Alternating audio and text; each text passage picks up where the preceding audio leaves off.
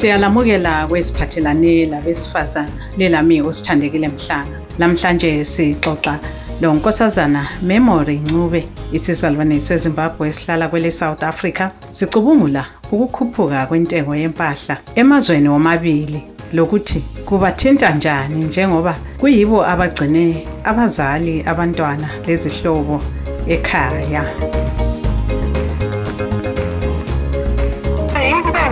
Zikhuphukile kakhulu emalangeni wona la mina lami ngihlala ngizibuza nje ukuthi kwenzakaleni.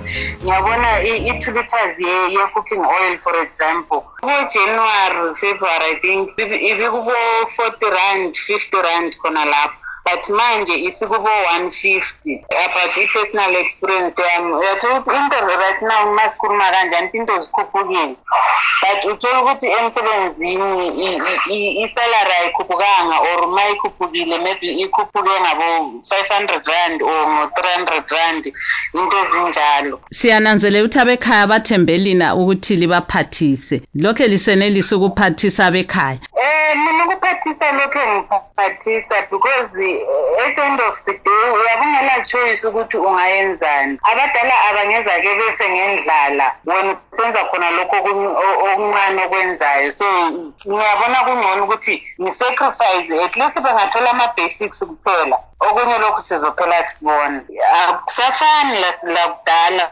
but kuyabungela choice futhi ukuthi vele ungayenzani. Manje okusuka kuchiphe kuyini? Ukuthi umuntu athumele impahla kumbe imali. Ah, mina mina mina ngithumela imali because ungathumela imali sometimes uyathola ukuthi vele bona maybe balezikwelede zabo ngale or balezinye izidingo zabo abazifunayo ezifuna imali. Uthola ukuthi inyanga iphakathi sebecomplaina ngendlala futhi. So what i do is kulama uh, online shopping stores or laba abababiza ama- ama-runners. Ngiyaplace i-order yami kibo li- ngilapha mm, ngibanikeze i-grocery list yami bangitshela ukuthi izongikhosta imali engaka including ama-service fees wabo. Then ngibabhadala imali leyo and then bona ekhaya sebehamba sebesiya collecta kwi-grocery. Ngithumela ma kuyimali maybe mase kuyimali ye-school fees or imali yamaphilisi kulo muntu ogulayo or umama uyagula or ubaba uyagula or abantwana bayagula yilapho engithumela khona imali. Otherwise isikhathi esiningi vele ukuhamba kuyi-grocery bona bayamukela sokuyi-grocery Ye ama-runners bachiphile okwedlula omalayitsha kumbe sokungulunyawo olutsha lokuthumela. Ah mina ngibona kungcono. Sometimes omalayitsha eh, ngoba angithi bayabekwazi ukuthi vele asila choice ekhaya kumele uthumele. So it's imali eningi kakhulu. And then ma usucompare lama-runners ama-runners kungcono ngoba already babe besekhaya.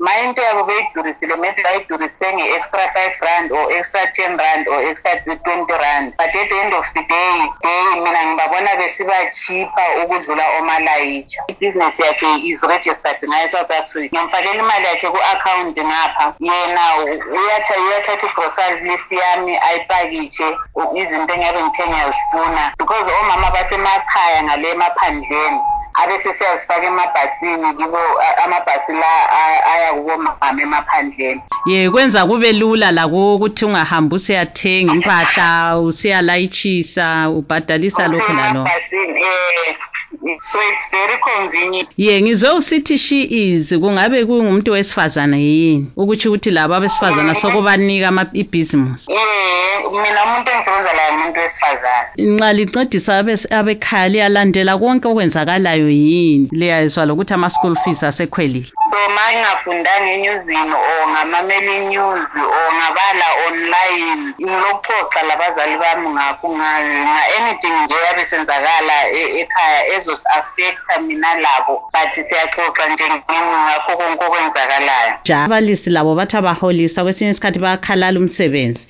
Iningi labesifazana liboni kungcono yini ukuthi lilethe abantwababo befunde khona ngapho kwele South Africa. khona kuyabe kungcono ukuthi abantwana siba- sibalethe ngapha ngithi Eh. but then ungakhangela i-security or i-safety yangikhona Hey, uh, because my xenophobia for example ingavuka la which means sokumele ngibaleke ngigcwale iganga lonke lomntwana Leyo bekuyingxoxo lonkosazana Memory Ncube isizalwane seZimbabwe esihlala kwele South Africa. Asidibaneni njalo ngomgqibelo ozayo kuhlelo oluphathelane labesifazane. Lizwe ukuthi siliphatheleni okutsha. Lilami usithandekile mhlanga. Ngikhonapha ewashington dc